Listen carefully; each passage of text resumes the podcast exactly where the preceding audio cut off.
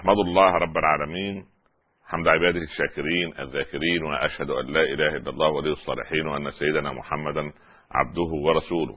اللهم صل وسلم وبارك عليك يا سيدي يا رسول الله صلاة وسلاما دائمين متلازمين إلى يوم الدين. ثم أما بعد أحبتي في الله أحييكم أينما كنتم بتحية الإسلام. فالسلام عليكم ورحمة الله تعالى وبركاته.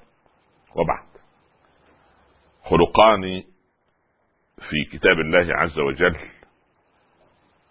يتضح كلاهما من خلال سلوك شخصين ذكرهما رب العباد سبحانه وتعالى. والقصة في القرآن تختلف عن القصة عند أهل القصص. قصة القرآنية يعني لا تهتم بمحاور القصة المعروفة عند يعني عند الأدباء وعند النقاد حيث الشخصيات والزمان والمكان والأشخاص والعقدة والحل.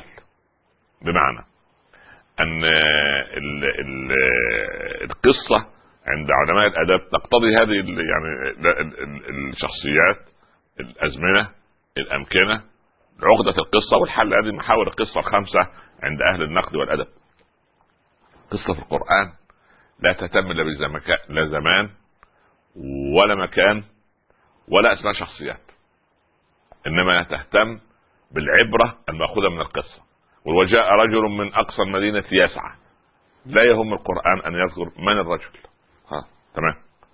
إيه سيقولون ثلاثة رابعهم كلبهم يقولون خمسة سادسهم كلبهم يقولون سبعة وثامنهم كلبهم رجما بالغيب. ما يعلم يعني عدتهم إلا قليل سبحان الله. قل ربي أعلم بعدتهم.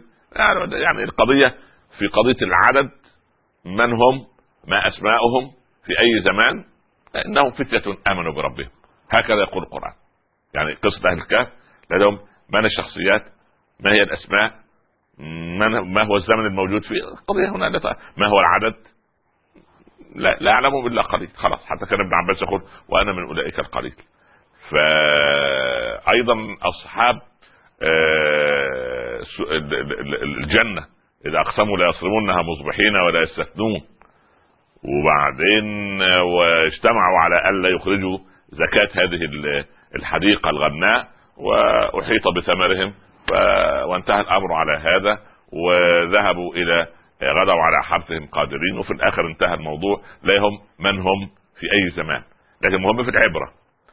من هذا القصص ومن هذا الخلق القرآني يتضح لنا خلقين ما بين شاكر وكافر أو ما بين موقن بالنعمة وبين منكر للنعمة. وكثير في زمننا تنقسم الناس إلى قسمين شاكر وهم قل وهم قلة وخير من عبادي الشكور ومنكر للنعمة أو جاحد له.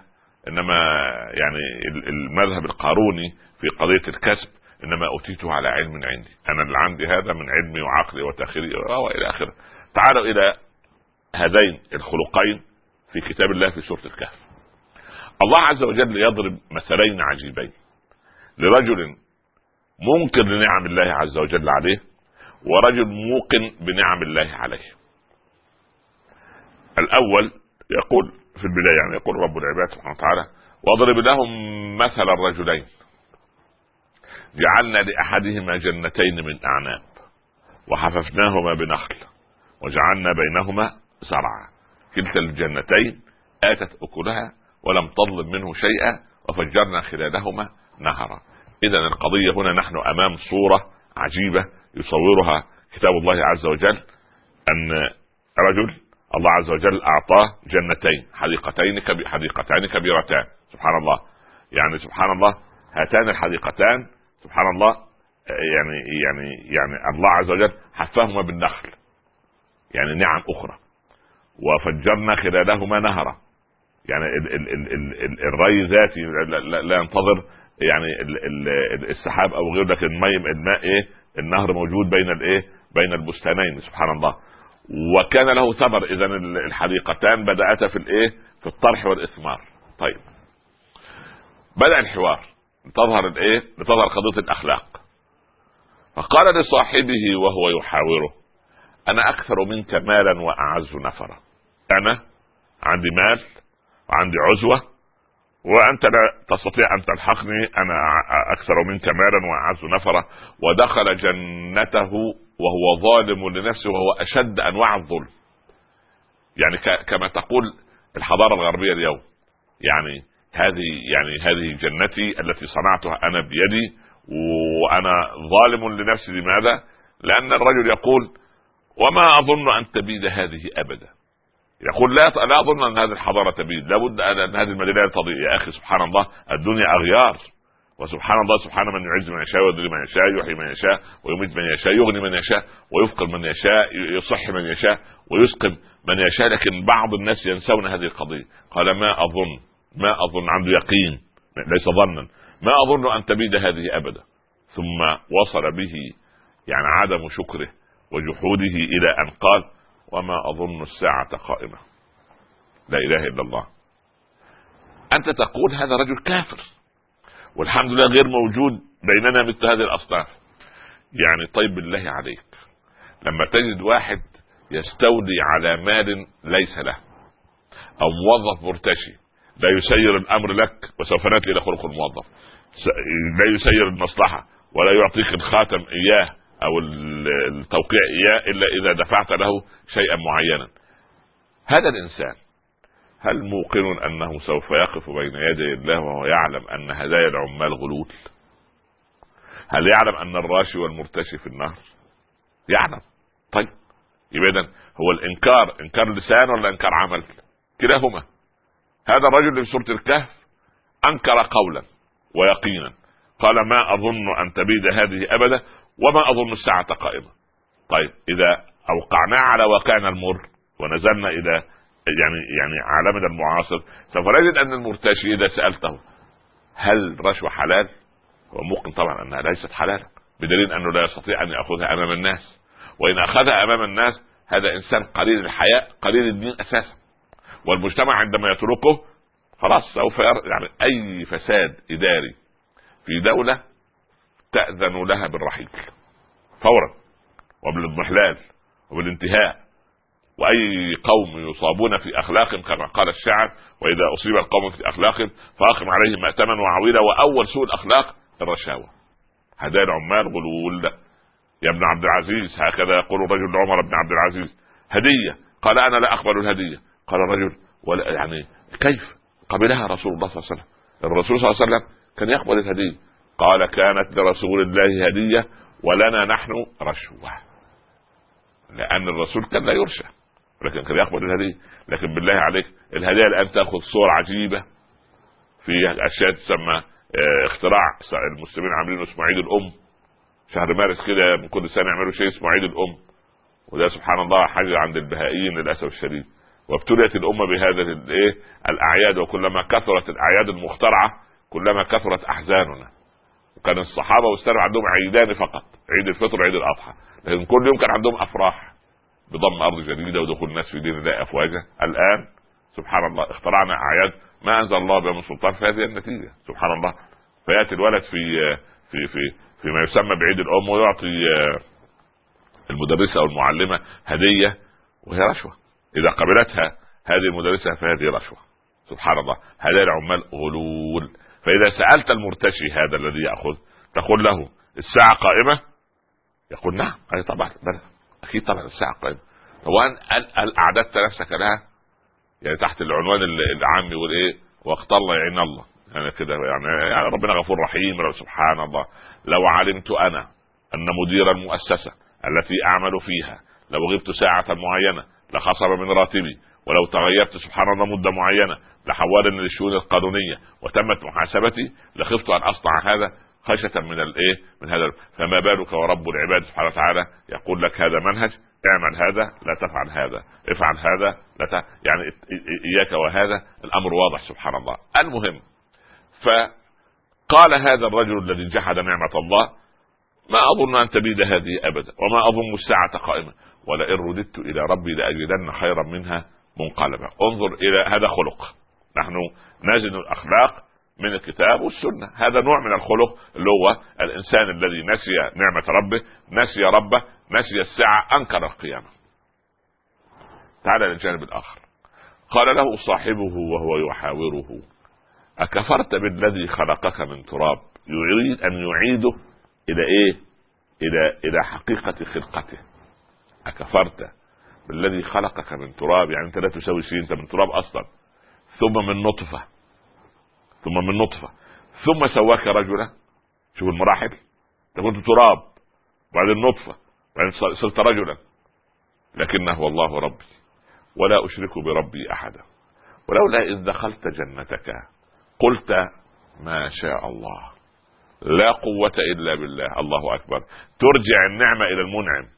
لا تنسيك النعمة المنعم وإنما أنت إنسان سبحان الله تراعي رب العباد في أن تستشعر أن هذه النعمة إن هي إنما هي من الله ليس بعقدك وليس بكدك الكد والعرق والجهد والعلم هذه أسباب لكن فضل الله سبحانه وتعالى إن شاء أعطاها وإن شاء أخذها. ولو كانت الأرزاق تجري على ذي الحجة لو كانت الأرزاق نازلة على قدر المخ والعقل والمنطق إذا لهلكت من جهلهن البهائم. كانت البهائم تهلك. كان ما تلاقي تاكل لكن الله لا يرزق الإنسان على قدر مخه وعقل. ابدا بالعكس بالعكس. يعني وذو جهل ينام على حرير وذو علم ينام على التراب. سبحان الله المسألة يعني ليست بهذا المنطق. والحظوظ والأقدار والأرزاق وزعها رب العباد سلفا لكن أنت عليك أن تسعى. وانتظر فضل الله سبحانه. أكفرت بالذي خلقك من تراب؟ ثم من نطفة ثم سواك رجلا لكنه الله ربي ولا أشرك بربي أحدا ولولا إذ دخلت جنتك قلت ما شاء الله لا قوة إلا بالله إذا الفضل كله من من؟ من الله من الكريم سبحانه وتعالى ما شاء الله لا قوة إلا بالله إن ترني أنا أقل منك مالا وولدا لكن إياك والأغيار إياك والإيه وحوادث الليالي فالليالي حبالة يلدن كل عجيبة سبحان الله فانظر ربما تتغير الأحوال. يقول له هذا الشاكر لولا إذ دخلت جنتك قلت ما شاء الله لا قوة إلا بالله إن ترني أنا أقل منك مالا وولدا فعسى ربي أن يؤتيني خيرا من جنتك. ممكن يوم من الأيام الله عز وجل يعطينا لأن الله خزائنه ملأى والله جعل غني وفقير ليس لقلة المخزون في خزائن الله أبدا بل على العكس ليرى صبر الفقير وعطف الغني. ليرى شكر الغني وابتلاءه بأخيه الفقير. ماذا يصنع هذا مع ذاك هل سوف يحصل الفقير وأخاه الغني؟ هل سوف يعطف هذا الغني على أخيه الفقير؟ هذه المسألة. هذا هذا هو الخلق. سبحان الله. فعندئذ يقول له يعني سبحان الله ف, ف, ف يعني فلولا اذ دخلت جنتك قلت ما شاء الله لا قوة إلا بالله. إن ترني أنا أقل منك مالا ودا فعسى ربي أن يؤتيني خيرا من جنتك ويرسل عليها حسبانا من السماء فتصبح صعيدا زلقا. لا شجر ولا ثمر ولا ماء ولا خيرات ولا زرع ولا سبحان الله العظيم.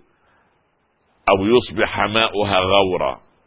بعد سبحان الله الماء كان موجود يصبح إيه؟ غورا ولكن ولكن إياك والأغيار فإنما الأيام متقلبة ولك إما ان يعني اليوم يومان أو الدنيا يومان يوم لك ويوم عليك فإذا كان اليوم لك فغدا ربما يكون عليك إذا كان اليوم عليك فربما يكون غدا لك إن شاء الله ولكن لنا مع هذا الشاكر والكافر أو هذا مع هذين الخلقين العجيبين في إنكار النعمة والايقان بالنعمة والمنعم لنا حوار آخر وتكملة إن شاء الله. ولكن بعد الفاصل كونوا معي.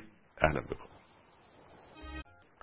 مرحبا أحبتي في الله بكم مرة أخرى ونحن نتحدث عن هاتين الصورتين العجيبتين في كتاب الله بين الذي أنكر نعم الله عليه وظن أن الساعة غير قائمة.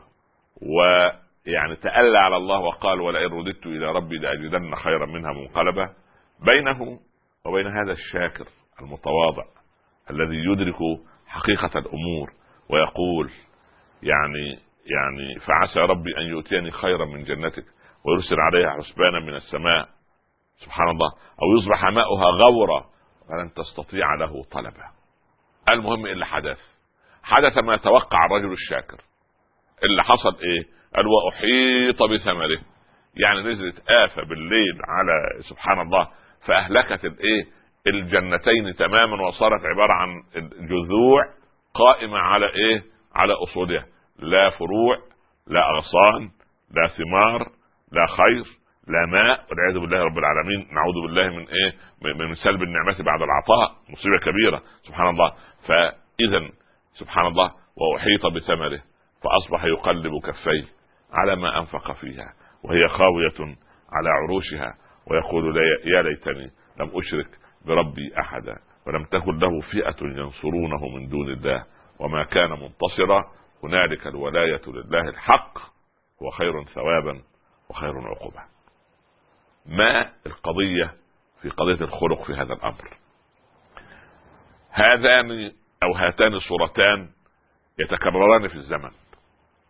واحد ربنا فتح له وسع عليه فيقول إنما اوتيته على علم وينسى بالنعمة المنعم أو يشغل بالنعمة عن المنعم أو لا يؤدي شكر النعمة. فماذا يحدث؟ النعمة قلنا من قبل مرارا أنها كدابة إن لم تربطها وتحبسها وتقيدها بقيد الشكر هربت. وإذا هربت النعمة منك قلما عادت منك مرة أخرى. كم من شباب ضيع نعمة الصحة بالتدخين أو بتعاطي المخدرات أو بالمسكرات أو بالانحرافات الكثيرة عندئذ يندم عند الكبر ولا تساعة من دمه. لماذا؟ لأنه أيقن أو ظن أن الساعة غير قائمة أنه ما راقب رب العباد عز وجل أنه ما احتسب الأمر عند الله ما أيقن أن رب العباد يراه ووضع له منهجا يجب أن يسير عليه. أيضا سبحان الله هذا الذي يظلم ويبتز أموال الناس ويأخذ ويستولي على الأراضي والبنايات والأموال دون وجه حق. مستغلا سلطته أو قوته أو نفوذه أو جبروته أو غير ذلك ماذا يقول رب العباد؟ هذا ينطبق مع الخلق الأول. ما أظن أن تبيد هذه ابدا وما أظن الساعة قائمة. انظر إلى قارون كم كان عنده من الأموال؟ ما إن مفاتحه لتنوء بالعصبة أولي القوة. قال له قومه لا تفرح إن الله لا يحب الفرحين. ولما خرج في زينته أو على قومه في زينته إذا إذا إذا انه عمل فتنة للناس الذين يريدون الحياة الدنيا يعني سبحان يا ليت لنا مثل ما أوتي قارون إنه لذو حظ عظيم. لكن لكن الله عز وجل وهو العليم الخبير يجعل بعض الناس فقراء لأنه لو أغناهم لفسد حالهم. هو بفقره ولا الإسلام ضد الفقر. والفقر الأكبر فقر القلوب. وليس فقر يعني إن ليس الغنى عن كثرة العرض وإنما الغنى غنى النفس. يعني يقول الشافعي يعني آه، علي ثياب لو تباع بفلس لكان الفلس منها أكثر. ولكن بداخلها نفس لو قيست بها نفوس الورى جميعا لكانت أعز وأكبر. فانظر إلى الهمة. يقول رحمه الله الإمام الشافعي أمطري سماء سرنديب. سيلان الآن سريلانكا. أمطري سماء سرنديب وفيضي جبال تكرور تبرا أنا إن عشت لست أعدم قوتا وإذا مت لست أعدم قبرا. همتي همة الملوك ونفسي نفس حر. ترى المذلة كفرا. فكم من أناس يتذللون فيحصلون على مناصب معينة أو أموال معينة أو درجات علمية معينة. وللأسف الشديد ولو عز أحدهم أو أعز الإسلام والدين لأعزه رب العالمين سبحانه وتعالى. ولا يضيعه ابدا. لكن للأسف في ناس تحب أن تطأطئ رأسها لغير الله وأنت يا عبد الله أنت المخلوق الوحيد الذي وجهك إلى أعلى. المخلوق الوحيد في المخلوقات هو الإنسان لوجهه الأعلى. كل المخلوقات وجهها أفقي لأسفل. أي مخلوق ما عدا الإنسان. ولكنه لا يطأطئ رأسه ولا وجهه إلا لله في الركوع والسجود فقط. وسبحان ربي العظيم وسبحان ربي الأعلى. سبحان الله. بهذا المنطق يصل نفسه بخالقه لكي يتعلم التواضع لله الذي يريه مقام العز إذا أعز دين الله سبحانه وتعالى. ولذلك سبحان الله هذه الصورة المشينة الذي يظن أن الساعة غير قائمة وأن لو جاءت الساعة فسوف يبدل أو أو أو, أو يحصل على على خير منها. هذا إنسان متألي على الله سبحانه وتعالى. هذه صور كثيرة عندنا. لو قلت لفلان يا فلان. يا فلان لماذا تأخذ أموال أخواتك وتظلمهن؟ رغم أن أباهن قد ترك لهم هذا لهن هذا لا لا لا لا لا, لا. هم لا يفهمون شيئا أنا أدرك أنا أعرف أنا اعتمر كل عام أنا أحج كل سنة أنا مش عارف أعمل إيه أنا أخرج كذا وكذا لوجه الله نقول له يا أخ الإسلام يا أخ الإسلام اتق الله رب العالمين لأن الذي تصنعه في الآخرين والأخريات سوف يصنع في أولادك وسوف يصنع سبحان الله كما قال عمر بن عبد العزيز لا أترك لهن ما يتقوين به على معصية الله. عن بناتي يعني. ما يتقوين به على معصية الله. إن كن صالحات فإن الله كان للأوابين غفورا. وإن كن غير ذلك فلا أعطيهن ما يتقوين به على على معصية الله. إذا المسألة سبحان الله تريد إعادة حسابات في قضية ما بين كفر وشكر. كفران النعم وإنكار هذه المصيبة. أما الرجل الشاكر الذي يعرف مبدأه الذي يعرف منشأه أكفرت بالذي خلقك من تراب ثم من نطفة ثم سواك رجلا لكنه الله ربي ولا أشرك بربي أحدا إذا هذه القضية قضية أن أرجع الأمر كله لمن بيده الأمر كله. أن أرجع الأمر برمته إلى رب العباد سبحانه وتعالى. أن أستشعر أن الكريم عز وجل سبحانه وتعالى سوف يعطيني وسوف يؤتيني ولكن أتخلق بأخلاق تقييد النعم بقيد الشكر. ما هو شكر النعم حتى نكون أو تكون أخلاقنا في الميزان؟ ميزان الشرع يعني سبحان الله العظيم أنت من الواجب من الواجب وأنت تزن أعمالك وأقوالك وأفعالك تقول. مثلا أضرب لك مثال. زوجتك أساءت إليك. فأنت تريد أن ترد. تقول لو كان الرسول مكاني صلى الله عليه وسلم ماذا يصنع؟ جار أساء إليك. زميل في العمل أساء إليك. واحد افترى عليك افتراء معين تقول لو كان الحبيب صلى الله عليه وسلم مكان ماذا كان يصنع؟ هل يذهب به إلى محكمة العدل الدولية؟ هل يشاهر به في الصحف والمجلات؟ هل يفضحه على الفضائيات؟ هل يتكلم بما ينقصه؟ هل يشين بما ليس فيه؟ هل ينسب له أشياء لم يصنعها من السوء ويريد ان أنت أن تشينه وتقلل من شأنه؟ هل تصرف الناس عنه؟ هل هل هل إلى آخره؟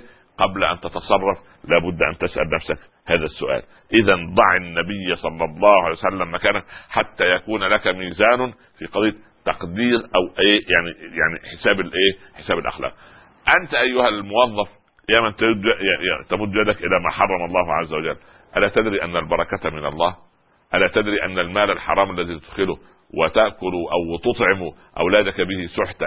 إذا مت لن يدعو لك هذا الولد لأنه صار لحم نبت من سحت واللحم الذي نبت من سحت النار أولى به وأنت تجني على أبنائك وبناتك. طبعا سوف يقول قائل والا تزر وازره وزر أخرى كما قال رب نعم ولا تزر وازره وزر أخرى لكن أنت أطعمت أبنائك من من شبهة وحرام وهم لهم حقوق عليك ألا تطعمهم إلا من حلال. وكانت الصحابية تقف عند الباب مودعة زوجها تقول له يا فلان استحلفك بالله ألا تدخل علينا حراما فإننا نصبر على حر الجوع ولكن لا نصبر على حر جهنم يوم القيامة. وإذا عاد آخر اليوم سألته السؤال المعروف كم آية حفظت من كتاب الله وكم حديثا سمعت من رسول الله صلى الله عليه وسلم؟ فما المشكلة إذا بين الخلف والسلف؟ ما المشكلة أننا نتخلق وللأسف أخلاق هذا الرجل الذي أنكر كل هذه النعم و تألى على الله وقال ولئن رددت إلى ربي لاجدن خيرا منها منقلبا. وهذا الخلق الطيب الذي يرجع الأمر إلى صاحبه سبحانه وتعالى صاحب الأمر يعني. وأن الله عز وجل سبحان الله هو الذي خلقنا من تراب ثم من نطفة فعلى ما نتكبر كما يقول علي يا ابن آدم. لما تتكبر؟ وأنت الذي تنتنك عرقة وتميتك شرقة وتقلقك بقة. اذا العبد منا ضعيف وخلق الإنسان ضعيف. فلماذا الكبر؟ ولماذا التين ولماذا إنكار نعم الله؟ هل هذا من خلق المسلم؟ ابدا والله. عمر بن عبد العزيز يدخل إلى المسجد وبعدين آه، يعني آه، كان جالسا في المجلس وهو أمير المؤمنين فأطفئ المصباح. فقام وأضاء المصباح. قال أحدهم يا أمير المؤمنين لو أمرت أحدنا لشرفه ذلك. قال بكل تواضع قمت وأنا عمر ورجعت وأنا عمر. هذا الخلق. قمت وأنا عمر ورجعت وأنا عمر ولما داس على قدم رجل نائم في المسجد قبل الفجر وهو لا يراه هب الرجل مذعورا من نومه أأنت أعمى؟ قال عمر كلا فأرادت الحاشية أن تبطش بالرجل قال عمر لما؟ قال أمير يشتمك قال ما شتمني هو يسألني سؤالا أأنت أعمى؟